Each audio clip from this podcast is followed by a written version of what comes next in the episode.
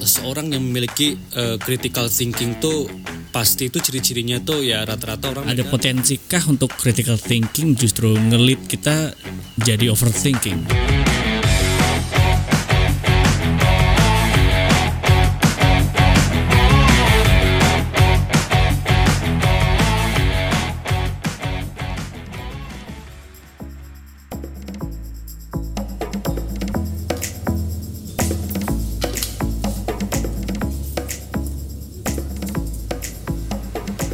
Warga Plus 62, selamat datang di Plus 62 Coffee Discussion Forum. Bersama saya Ian, ini adalah episode ke-8. Di hari Kamis ini PJDF akan membahas topik-topik seputar self-development, content creation, dan perkembangan-perkembangan lainnya mengenai social media. Di tahun 2021, pengguna internet di Indonesia mencapai 202,6 juta jiwa. Dari total seluruh penduduknya, 274,9 juta jiwa. Yang artinya 73% dari seluruh penduduk kita adalah pengguna internet aktif. Jumlah yang besar. Namun, apakah jumlah yang besar tersebut dibarengi dengan kesiapan masing-masing individu dari para penggunanya? Tentunya sayang banget ketika ini justru menjadi bumerang untuk kita sendiri karena masih kurangnya kesiapan untuk menyerap informasi yang beredar di internet. So, maka dari itu berpikir kritis dan mengolah informasi yang masuk sangat dibutuhkan agar hal ini tidak menjadi sesuatu yang buruk.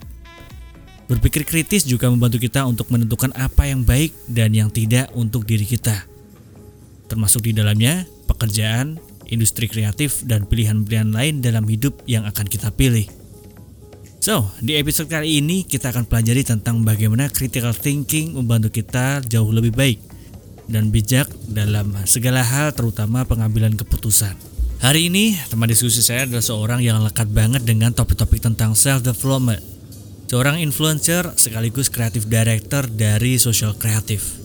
So sekarang kita udah kedatangan Mas Abdul Rauf nih. Halo Mas, apa kabar nih? Halo, apa kabar Mas Ian? Gimana kabarnya? Baik. Baik banget, alhamdulillah. Oke. Minggu-minggu nih lagi sibuk apa nih? Lagi eh, sibuk eh, nge-freelance aja sih juga em, apa ya? Lagi sibuk jalan-jalan bareng teman-teman sosial kreatif. Kerja sambil jalan-jalan biar balance Oke. gitu. Oke, itu termasuk dalam bagian dari konten sosial kreatif atau dari konten Mas Abdul sendiri sebenarnya?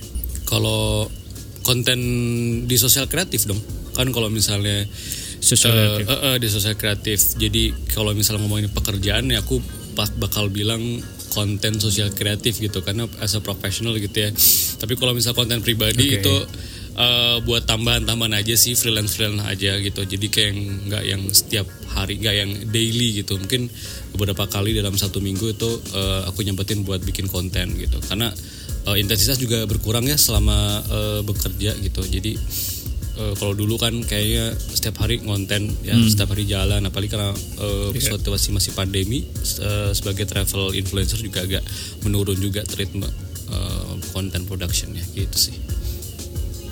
Oke, bisa sharing sedikit mungkin soal sosial kreatif ini sendiri ngerjain apa aja di, sosial kreatif nih?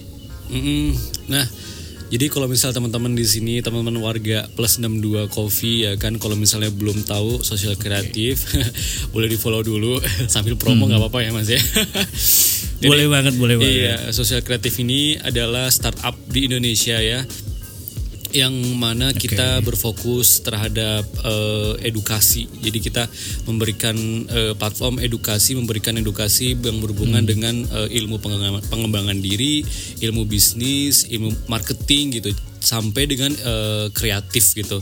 Jadi kenapa konten-konten di sosial kreatif eh, khususnya di Instagram dan juga TikTok kita eh, rata-rata ngebahas mengenai hal-hal yang berhubungan dengan self development, bisnis dan juga kreatif Oke. kayak gitu sih. Jadi eh, produk kita itu eh, bentuknya kelas ya. Jadi kelas dan juga eh, webinar. Kurang lebih kayak gitu sih. Oke, eh, selama ini publish di eh, di apa platform apa aja nih? Instagram, terus TikTok. Selain itu ada apa- lagi? Kalau kalau misalnya eh, platformnya kita ada eh, website ya. Website itu adalah eh, rumah sih ya, rumah dari eh, produk dan juga informasi-informasi terkait dengan Uh, jadi kan kalau misalnya kita pengen dapetin materi, kalau di Instagram dan TikTok tuh kayak kurang gitu kan, ya kita coba kasih materi yang lebih panjang. Jadi kan versi kalau di Instagram yeah, dan iya, TikTok yeah. kan versi pendeknya gitulah ya. Kalau misalnya ada yang oh, landing page, kok pengen ya pengen uh, belajar lebih nih, pengen dapetin ilmu lebih nih. Nah, teman-teman di luar sana tuh bisa uh, berlangganan di uh, website socialcreative.com kayak gitu sih. Jadi uh, kita ada platformnya uh, landing page uh, socialcreative.com, kemudian Instagram, TikTok, YouTube juga ada. Uh, itu aja sih. Oke, okay, berarti uh, untuk uh, social media sendiri lebih ke traffic puller ya untuk bakalan nanti ke arah uh, ke websitenya gitu ya? Iya betul. Hmm, jadi soft sellingnya lah ya, soft selling. Soft selling ya. nah kayak yang tadi aku bilang tadi nih uh, akses informasi sekarang ini kan kayaknya terlalu mudah gitu. Gak cuma dari portal berita, justru kadang kita tuh dapat uh, berita tuh dari sosial media juga. Nah banyak orang bilang solusinya adalah critical thinking gitu. So sebenarnya konsep berpikirnya itu seperti apa sih si critical thinking itu tadi? Iya, jadi kan kalau misalnya kita buka sosial media, kita buka internet setiap hari itu pasti kan banyak banget informasi-informasi yang kita dapat.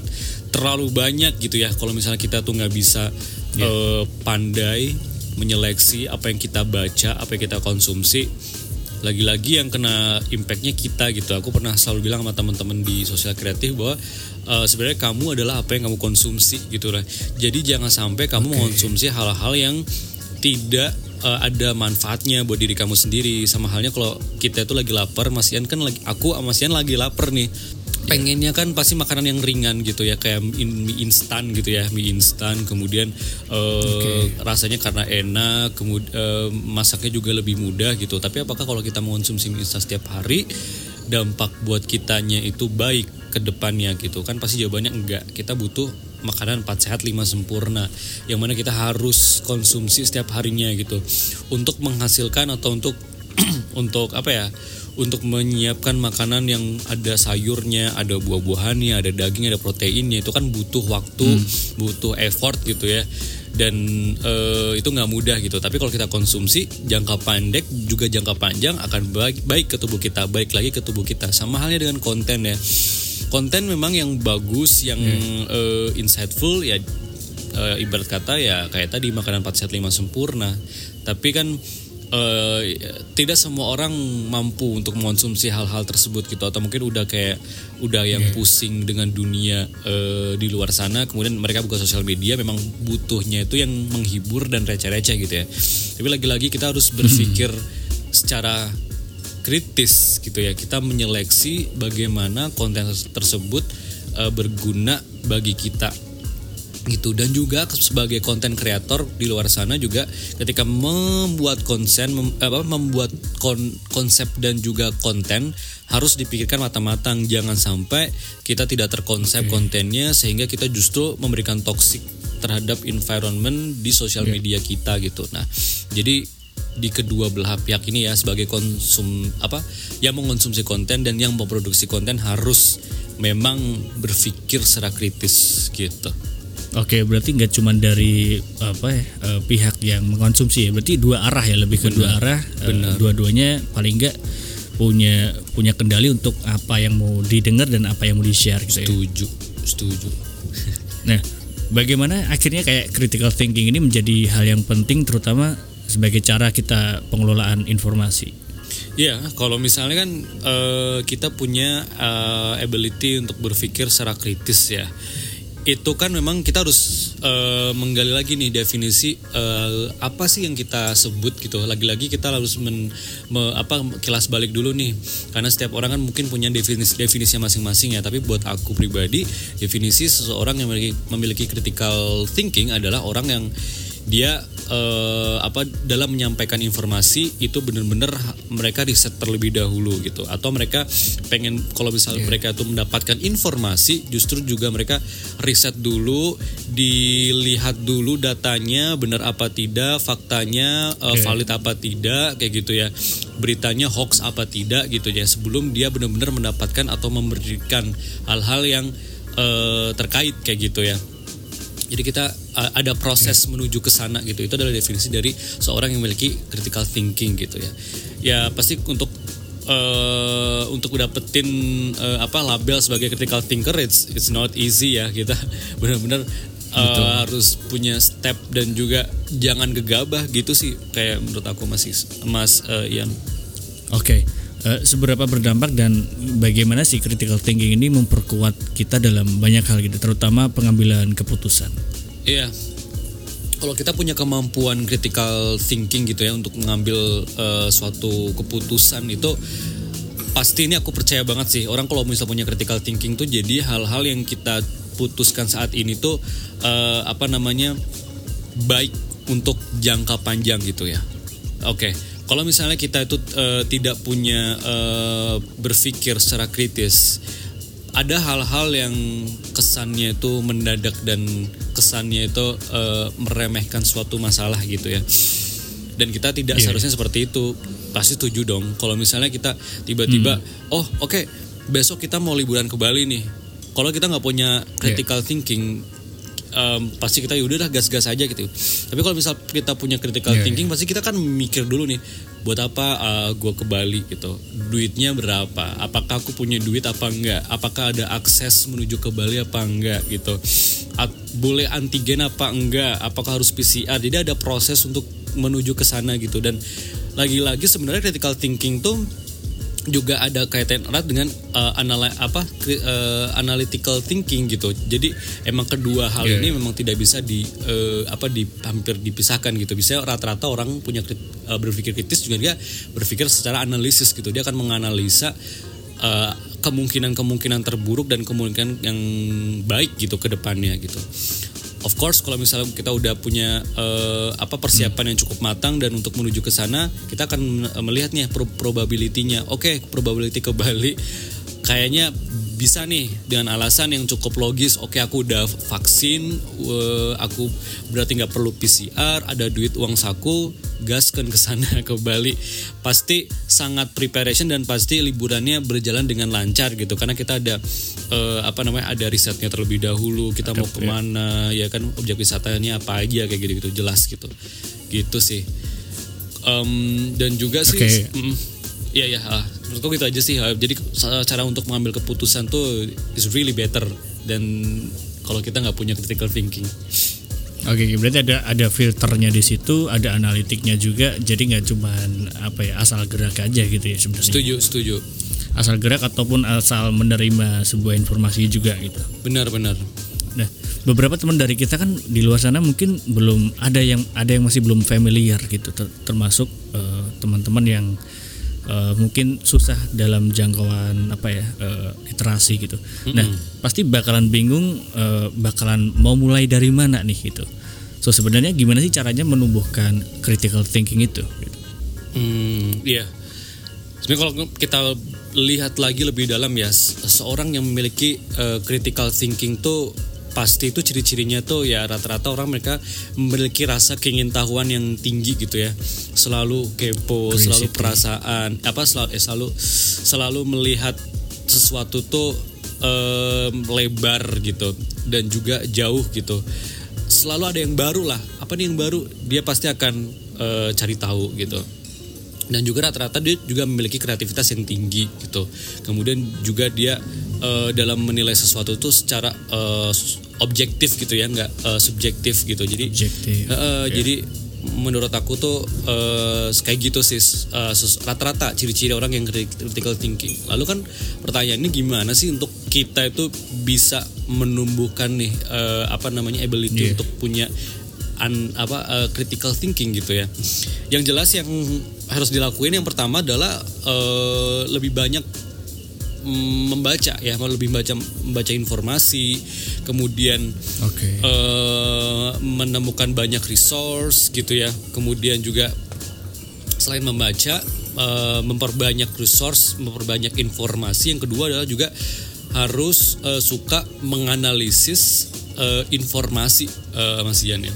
Jadi ketika ada informasi yang datang okay. gitu, kita udah udah dapat nih informasi banyak, pengetahuan udah banyak nih yang didapat. Kemudian kita analisis nih, oke. Okay apakah uh, apa uh, informasi ini tuh faktual ya kan atau justru uh, berita ini hoax kayak gitu jadi kalau misalnya kita udah menganalisis udah deh akhirnya kita bisa uh, menyimpulkan gitu hal-hal yang udah jadi harus berlatih nih secara oke okay, kalau misal kita udah dapetin analisis yang oke okay, berarti disimpulkan nih oke okay, penyimpulan agak agak agak mengawang ya tapi kalau misalnya kita coba hmm. uh, konsepkan lah dalam dunia content creation lah ya kalau misalnya kita konsepkan okay, dengan okay. dunia content creation cara menumbuhkan critical thinking kalau yang tadi berarti informasi nih informasi yang mau yang mau dibuat konten Mas Ian.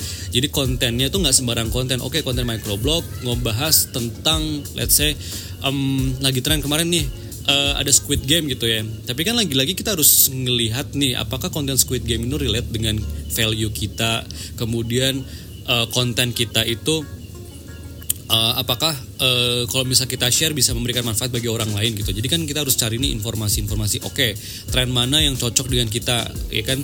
Men, uh, apa men, mm, yeah. searching, uh, riset gitu.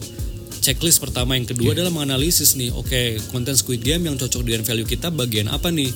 Kalau misalnya kamu uh, bagian style nih ya, lifestyle gitu. Oke, okay, berarti fashion gitu. Oke, okay, berarti uh, konsep Squid Game ini let's say dia mungkin ngambil secara look ya jadi uh, pemain utama kemudian kita coba uh, apa uh, cosplaykan dengan uh, gaya kita gitu hmm. misalnya Sangwu pakai baju yang hijau atau peserta pakai baju yang hijau gitu ya ada nomor nomornya atau mungkin yang uh, uh, ada adegan yang kayak ditembak gitu ya darah gitu semua atau mungkin yang menjadi yang apa namanya jadi bonekanya yeah. let's say kan ada banyak banget nih nah itu yeah. kita artinya kita udah uh, menganalisis informasi dan juga menyimpulkan oh bahwa konten ini tuh bagus gitu dan cocok dengan tren dan cocok pula dengan uh, kita punya value di, uh, di di di feed kita gitu ya.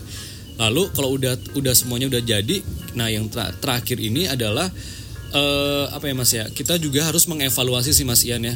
Jadi sebagai seorang critical thinker kita harus uh, mengevaluasi apakah memang uh, informasi apa namanya keputusan-keputusan yang kita dapat itu bisa memberikan uh, dampak yang baik buat kita atau ke orang lain gitu ya karena lagi-lagi okay. kalau misalnya kita nggak ada evaluasi bisa jadi uh, apa ya hal-hal uh, yang memang kita udah bilang oke okay nih fix nih udah bagus konten kita udah oke okay nih. Tapi ternyata nih uh, pada kenyataannya pada uh, pas waktu kontennya naik oh kok ternyata insightnya udah uh, jadi turun ya? Oh ternyata konten ini kok udah nggak relate, relate lagi ya? Mungkin karena uh, si apa ya terlalu banyak informasi mengenai Squid Game atau mungkin uh, tren ya, ya. ini udah lewat gitu ya.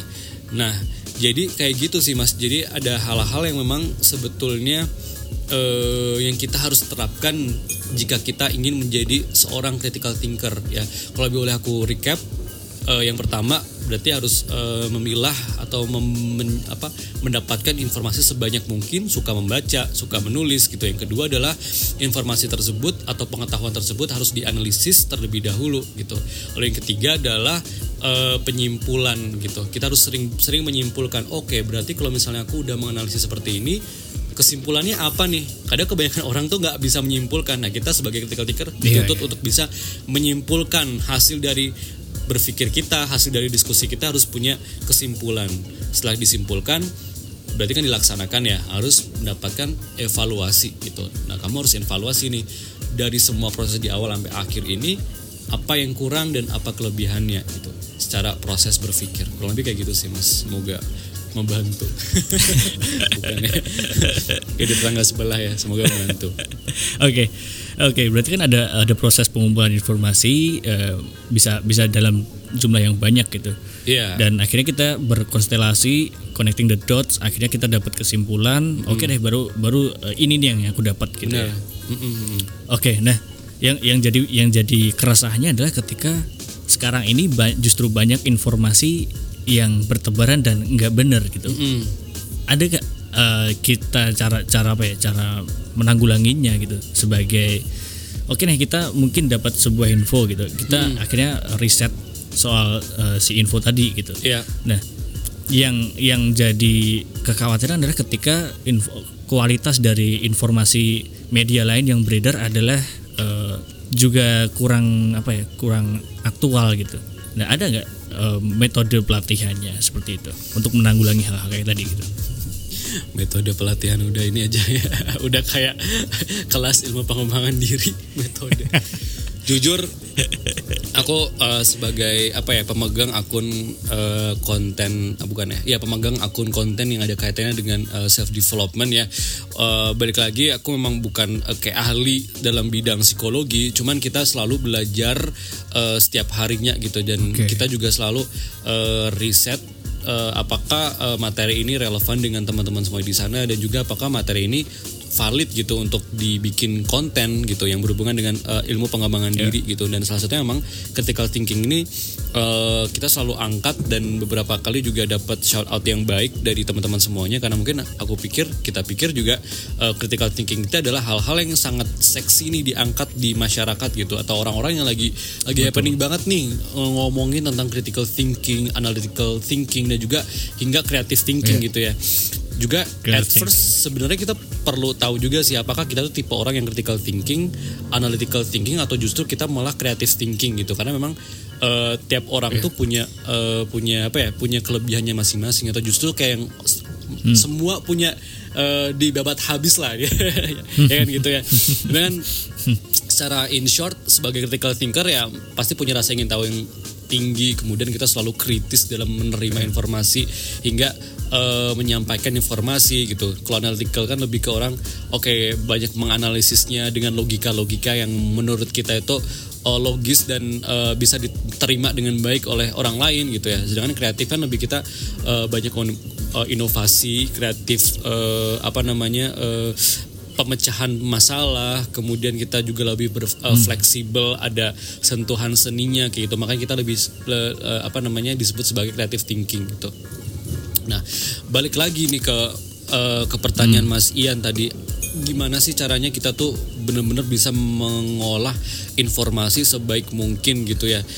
Um, aku selalu menerapkan terhadap diri aku pribadi gitu setiap kali membuka sosial media uh, di pagi hari gitu ya aku selalu melihat di pagi hari itu uh, artinya nggak yang kayak jam 6 pagi, jam 5 pagi nggak ya? Artinya uh, whenever you open your phone and then yeah. open your social media, uh, then at first you have to decide which one uh, apa ya hal yang hal-hal uh, yang, yang mana dikonsumsi apa? yang mau dikonsumsi gitu dan yang pastinya sebenarnya apa sih kamu itu tujuannya mempunyai sosial media mas karena kadang orang punya sosial media cuma buat yeah. hiburan udah titik gitu tapi kalau cuma buat hiburan, berarti kita cuman ya udah uh, hal-hal yang kita konsumsi cuma yang hiburan aja gitu. Tapi kalau misalnya kita punya uh, apa ya kayak step hal eh, hal-hal yang memang kita lebih apa ya lebih jauh berpikirnya atau lebih punya kemampuan berpikir secara uh, matang gitu ya dalam bersosial media udah kayak berat hmm. banget ya. Tapi itu bener loh mas. Kalau misalnya kita okay. udah punya uh, fondasi dalam bersosial media, kita akan tahu ke mana kita melangkah misalnya nih okay. kita oke okay, punya sosial hmm. media aku pengen punya uh, kontribusi dalam bidang sosial media uh, content creation gitu misalnya ya. Atau aku ingin memberikan yeah. dampak yang positif bagi followers aku gitu. Kalau misalnya aku udah punya fondasi yang kuat gitu ya oke okay, berarti memang uh, aku pengen punya uh, konten yang bermanfaat karena kita akan lihat lagi uh, apa yang aku bisa dan apa yang aku punya gitu. Kan misalnya aku jago okay. uh, fotografi gitu. Atau mungkin aku jago menulis gitu. Kalau misalnya kita udah punya fondasi uh, ada hal yang memang aku pengen kontribusikan ke orang kemudian apa yang aku punya aku jago menulis nih ya udah. Aku akan bikin konten yang uh, informatif ya edukatif bagi teman-teman uh, di luar sana gitu Kemudian atau mungkin nih Mas Ian atau teman-teman uh, plus 62 warga plus 62 ini adalah tipe orang yang pengen punya bisnis di sosial media. Of course, kalau misalnya kita udah punya uh, fondasinya adalah bisnis, ya pasti kamu akan fokus dalam konsumsi konten yang berhubungan dengan uh, bisnis, okay. ya kan marketing dan sebagainya gitu. Jadi pada intinya adalah fondasi bersosial media yang akan membuat kamu memilih dan memilah hal-hal mana yang bermanfaat yeah. bagi kamu. Karena kalau kita udah nggak, kalau kita punya fondasi, jadi kita lebih bisa mengkontrol diri gitu.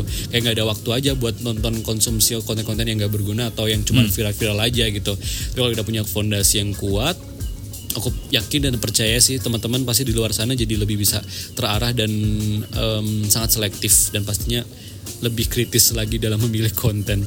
Walaupun memang hal-hal di luar sana yeah. kayak konten yang viral lebih menarik ya kan ada hal-hal yeah. yang iya. memang di luar dari kendali kita and it is what it is ya udah sih itu bukan ranah Yeah. kita yang yang bisa kita kontrol adalah diri kita bagaimana kita set fondasi dan Respon bagaimana kita, kita. melangkah respon kita ke depannya kayak gitu Oke oke. Eh, critical thinking ini kan punya trigger tersendiri untuk membuat pikiran kita mungkin bekerja lebih keras gitu kan. Yep.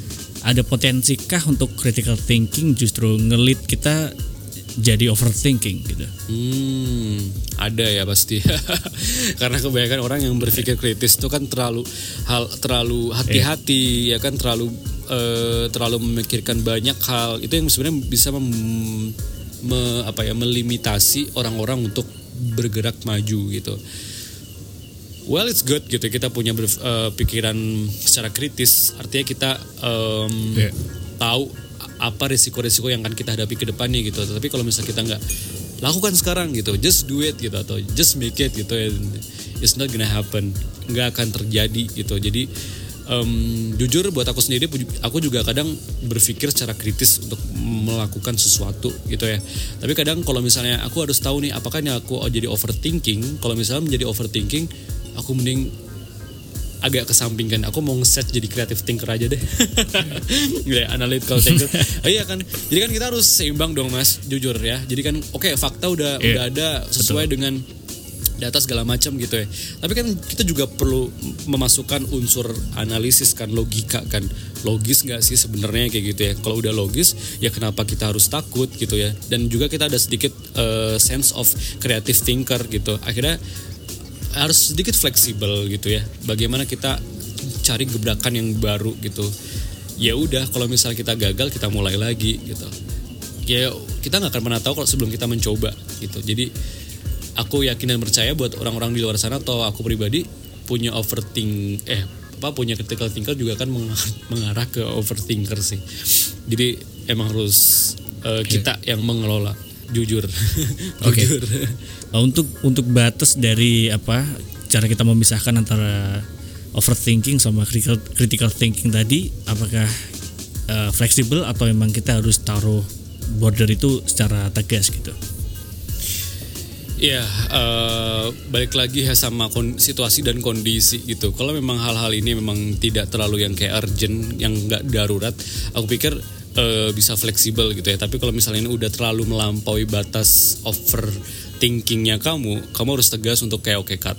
Eh, ini udah udah udah terlalu kritis gitu atau udah terlalu apa ya udah terlalu over gitu sama halnya dengan membuat konten gitu kalau konten kita itu udah bagus selama satu bulan kita bikin konten 15 eh, bahkan 30 gitu kemudian di bulan berikutnya kita akhirnya karena terlalu berpikir kritis dan juga kita terlalu over gitu berpikir akhirnya kontennya nggak naik gitu.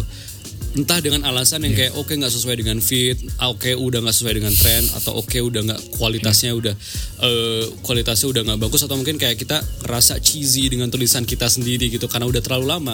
Karena kan ada penyakit konten kreator tuh yang kayak yang- karena kontennya udah terlalu lama jadi justru malah lama-lama tuh konten jadi cheesy buat kita jadi kayak aneh. Ih kok fotonya jadi makin aneh makin aneh makin aneh. Jadi sebelum untuk eh, ke fase itu just do it. Upload aja kontennya fotonya tulisannya eh, karya kamu upload aja gitu. Well pasti kita harus berpikir dulu secara kritis kan. Tapi kan kita harus juga punya batasan nih. Oke riset gue satu minggu misalnya ya. Terus pembuatan konten satu minggu gitu. Kemudian eh, masuk ke dalam konten kalender satu minggu tiga minggu. Ya udah kamu harus cari set batasan yang memang eh, timeline-timeline yang memang jelas gitu. Satu eh, berarti total tiga minggu. Ya udah tiga minggu. Ketika lo udah tiga minggu berarti udah kayak yang oke stop. Berarti it's overthinking gitu. Berarti ya udah harus balik lagi ke track on track. Karena itu emang jujur yang dihadapin sama aku pribadi juga sebagai content creator dan eh, it's it's not a good thing at all gitu having a overthinking and also too much eh, apa namanya eh, terlalu kritis gitu Oke, Eh, ada bedanya nggak apa namanya eh, critical thinking dengan kita skeptis gitu? eh kalau skeptis itu kan lebih ke jadi kayak nggak kurang apa ya eh, agak kurang percaya diri gitu kayak hmm, sangat menyepelekan informasi-informasi ya jadi kayaknya aku pikir beda ya berpikir secara skeptis dan juga berpikir secara Iya. kritis gitu kritis itu artinya kamu itu eh, nggak gegabah gitu. Kamu mem- member- eh, kamu mencari informasi berdasarkan fakta gitu, data jelas gitu, hal-hal yang memang eh, masuk ke logika ke akal gitu. Sedangkan skeptis itu adalah lebih condong atau lebih mengarah ke nggak percaya gitu. Aku nggak percaya dengan datanya, aku nggak percaya dengan halnya pada lebih ke akhirnya hypocrating, hypocrite ya. Jadinya lebih ke hypocrite. Jadi Iya. Udah jelas loh ini tuh benar sesuai dengan data dan fakta gitu ya. Tapi at the end dia nggak percaya. Misalnya nih eh, banyak banget nih eh, kemarin dat- eh, berita-berita tentang pandemi gitu ya. Banyak banget kan akun-akun yang menyebarkan eh, apa namanya informasi mengenai eh, apa jumlah kasus covid corona gitu. Berpikir secara kritis artinya kita oke melihat akun ini ada datanya apa enggak sumbernya terpercaya apa enggak at the end kita harus kita akhirnya percayakan karena kita kritis dan kita akhirnya menyebarkan informasi tersebut. Kalau kita berpikir secara skeptis ya udah berarti aduh ya udah kayaknya gue nggak percaya deh sama informasi Cuman, ini dan iya. hoax saja gitu kayak gitu sih cuman cuman stop di Stop. cuman stop di apa ya cuman stop di ya udah nggak percaya gitu aja Iya. tanpa ada tindakan lebih lanjut maksudnya. tindakan lebih lanjut jadi skeptis gitu sih Oke, setuju gak kalau critical thinking justru punya potensi untuk jadi toxic ketika placement sama momennya nggak tepat gitu. setuju banget setuju sih kadang kan kebanyakan orang tuh apa ya karena kan jujur jujur li jujur li itu orang punya eh, berpikir kritis tuh kan dia eh, terlalu karena kan percaya rasa apa penasaran itu kan tinggi banget ya mas Ian ya tinggi banget. Jadi ngelihat sesuatu tuh hal yang baru tuh selalu dia tanya kepo-kepo. Tapi kalau kita tuh kayak yang terlalu tahu kemudian terlalu ingin tahu gitu ya dan melewati batasan-batasan gitu ya. Seperti contohnya kayak berhubungan gitu ya. Mungkin Mas Ian ada berpikir kritis sama pacarnya gitu ya. Terlalu banyak bertanya-tanya juga itu juga nggak bagus ya kan. Eh, sama dengan mungkin dalam dunia pekerjaan ya Mas ya berpikir kritis itu kan juga bagus ya. Kita akhirnya eh, apa namanya punya eh, ability untuk eh, memecahkan suatu masalah gitu ya. Kita bisa me- apa ya merancang eh, skenario bagaimana masalah tersebut bisa kita selesaikan dengan secara terstruktur gitu. Bukan secara gegabah gitu. Kita kan pasti kita melihat sesuatu dari akar masalahnya dulu kemudian kita eh, cari solusi yang tepat dan juga sesuai dengan kondisi kita saat ini gitu ya. Sebagai critical thinker it's really good ya, apalagi kalau dia bisa memberikan data-data yang terkait gitu ya. Tapi kadang juga porsi sih lebih mengarah ke situasi dan kondisi yang mengacu terhadap porsi eh, si critical thinker ini ya. Kalau porsi terlalu banyak kemudian udah kayak yang terlalu lama karena kan balik lagi tadi ya ketika porsi udah terlalu lama dan itu juga akan mengarah ke ke ke timeline kita kan. Lama mikirnya jadinya kita tertunda ya kan? Jadi proyeknya tertunda masalahnya nggak selesai selesai karena terlalu banyak data yang harus dikumpulin harus validasi sana sini itu juga nggak bagus gitu. Atau dengan justru eh, berpikir kita tuh tidak diterima sama mm, teman-teman kita gitu satu circle. Karena kita terlalu terlalu ribet gitu mikirnya tuh riweh aja gitu dan susah untuk diterima. Just simple simplify aja pemikiran kita eh, yang mudah diterima oleh eh, teman-teman kita. Nah itu sebenarnya beberapa hal-hal minus dari seorang critical thinker tapi yang sebenarnya bisa diatasi gitu. Kayak gitu sih mas. Oke, berarti ada ada how to stopnya gitu ketika kita Uh-uh. udah terlalu over nih gitu kan. Nah, so kapan dan di mana critical thinking ini benar-benar eh, tepat gitu digunakan? Ya, em, ya jadi kalau misalnya kita udah punya critical thinking, kebanyakan sih ya, kebanyakan itu kayak secara natural itu ketika ada masalah dia bisa menyelesaikan masalah dengan baik. Kemudian ketika ada sesuatu eh, apa namanya kondisi yang mendadak nih ya, eh, dia berpikir bisa lebih adem lah, lebih kalem daripada teman-teman yang lainnya yang eh, kesannya itu tergesa-gesa gitu ya. Jadi emang ada momen-momen yang eh, apa yang membuat seorang critical thinker itu menjadi on point gitu sih mas menurut aku ya. Oke, eh, so terakhir mungkin eh, sebagai closing statement juga, sejak kapan secara idealnya kita perlu mul- untuk mulai berpikir kritis gitu, dari mungkin eh, sekolah mungkin atau mungkin ya emang yang wajarnya adalah ketika kita udah mulai benar-benar terjun di dunia dewasa gitu. Iya iya iya. Ini ya abstrak banget ya maksudnya it's it's a it's a abstract question Yeah. artinya eh, setiap orang punya uh, jawaban masing-masing gitu ya. Jadi aku nggak bisa kayak oke okay, ini kamu harus punya critical thinking sejak dini sejak ini nggak bisa ya. Tapi yeah. kadang uh, menurut aku pribadi ya Mas Ian ya, critical thinking itu adalah uh, kemampuan yang harus dimiliki sejak dini. Atau memang kemampuan yang memang udah dimiliki seseorang sejak dini secara natural. Entah memang uh, dibentuk karakternya dari keluarga atau entah dibentuk karakternya dari sekolahan. Kayak gitu. Akhirnya kita bisa tumbuh berpikir secara kritis gitu. Atau justru lingkungan pertemanan kita yang membuat kita uh, berpikir secara kritis. Atau hal yang lainnya nih experience pengalaman. Karena kita ter, sering banget yeah. ada masalah yang datang ke kita kita selalu tergesa-gesa dalam mendapatkan informasi tidak memilah sana sini. Jadi kita kan dapat uh, negatifnya nih. Nah dari belajar dari pengalaman kita bisa memunculkan si critical thinker itu gitu. Nah sejak kapan ya? Kalau misalnya aku bilang sih sejak awal banget ya sejak kalau dari aku pribadi sejak awal gitu. Sejak di mana aku mulai realize nih kalau aku sih uh, awal uh, mulai dewasa ya tumbuh dewasa kalau dulu waktu kecil kan kita mungkin yeah. agak labil ya karena ya agak labil nggak ngerti yang mana yang baik yang hmm. sebenarnya baik dan sebenarnya buruk buat kita pribadi kalau berpikir tuh nggak uh, panjang jauh lebar kayak gitu jadi mungkin ketika aku udah dewasa ya mungkin di kuliah kali ya di kuliah kan diajarkan kita berpikir secara konstruktif ya berpikir lebar gitu yeah. kita men, um, udah udah nggak bisa nih menentukan uh, sikap itu asal-asalan udah nggak bisa gitu. Atau kita juga harus bijak dalam memberikan keputusan ya. Keputusan dalam berteman keputusan dalam uh, mencari pekerjaan kemudian banyak hal ya lain yang memang kita harus dituntut berpikir secara kritis gitu. Karena ngeri banget sih kalau misalnya kita tuh nggak kritis apalagi di era seperti ini kita terlalu yeah. banyak uh, apa ya banyak banget uh, polarisasi. Uh, uh, polarisasi hal-hal kayak gitu tuh aduh. Jadi benar-benar harus disaring banget sih mas. Apa pun konten teman uh, lingkungan kayak okay. gitu jadi pada intinya emang balik lagi ya mas ke masing-masing orang itu bisa beda-beda. Tapi kalau aku pribadi dari awal uh, tumbuh dewasa kayak gitulah. Karena memang berdasarkan pengalaman dan juga berdasarkan lingkungan yang ngebentuk okay, berarti pada dasarnya adalah critical thinking ini adalah sebuah metode untuk pemecahan masalah ya, bukan menambah masalah baru sebenarnya. Enggak, enggak. Nah, mungkin untuk beberapa teman-teman yang istilahnya masih belum sadar nih tentang critical thinking, sebaiknya kayak apa nih ajakan seperti apa yang mungkin dari Mas Abdu bisa disampaikan ke teman-teman warga plus 62 gitu. Iya. Yeah uh, buat warga plus 62 kopi udah udah kayak apa aja ya.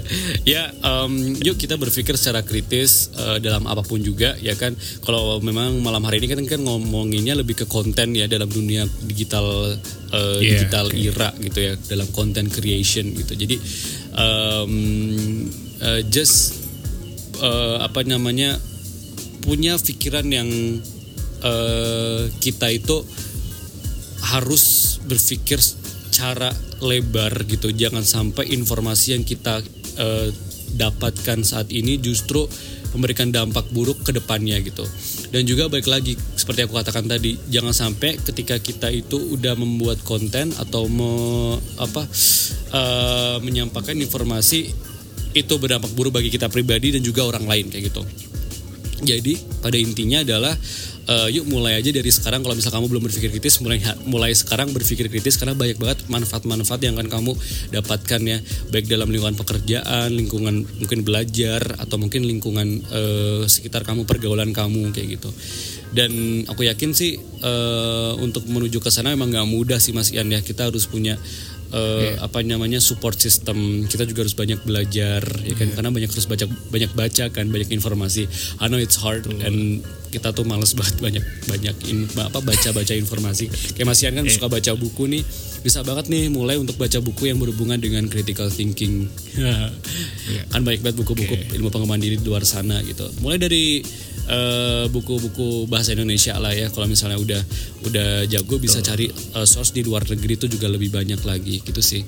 So um, just be uh, kritis betul yes kalau ada tambah lagi menurut uh, dari aku mungkin eh, perbaikin dulu beranda sama explore sosial media masing-masing Jujur, gitu kan. jujur. Karena kan iya kan? Karena kan eh, explore sama beranda yang kit- yang ditampilin di halaman kita masing-masing adalah eh, akumulasi dari behavior dan interest kita terhadap sesuatu itu kan. Kalau kita masih kena istilahnya eh, informasi-informasi yang eh, cenderung toksik berarti kita masih dianggap oleh algoritma bahwa kita itu perlu hal-hal kayak gitu ya kan sih? Iya, iya, ha, ha. iya.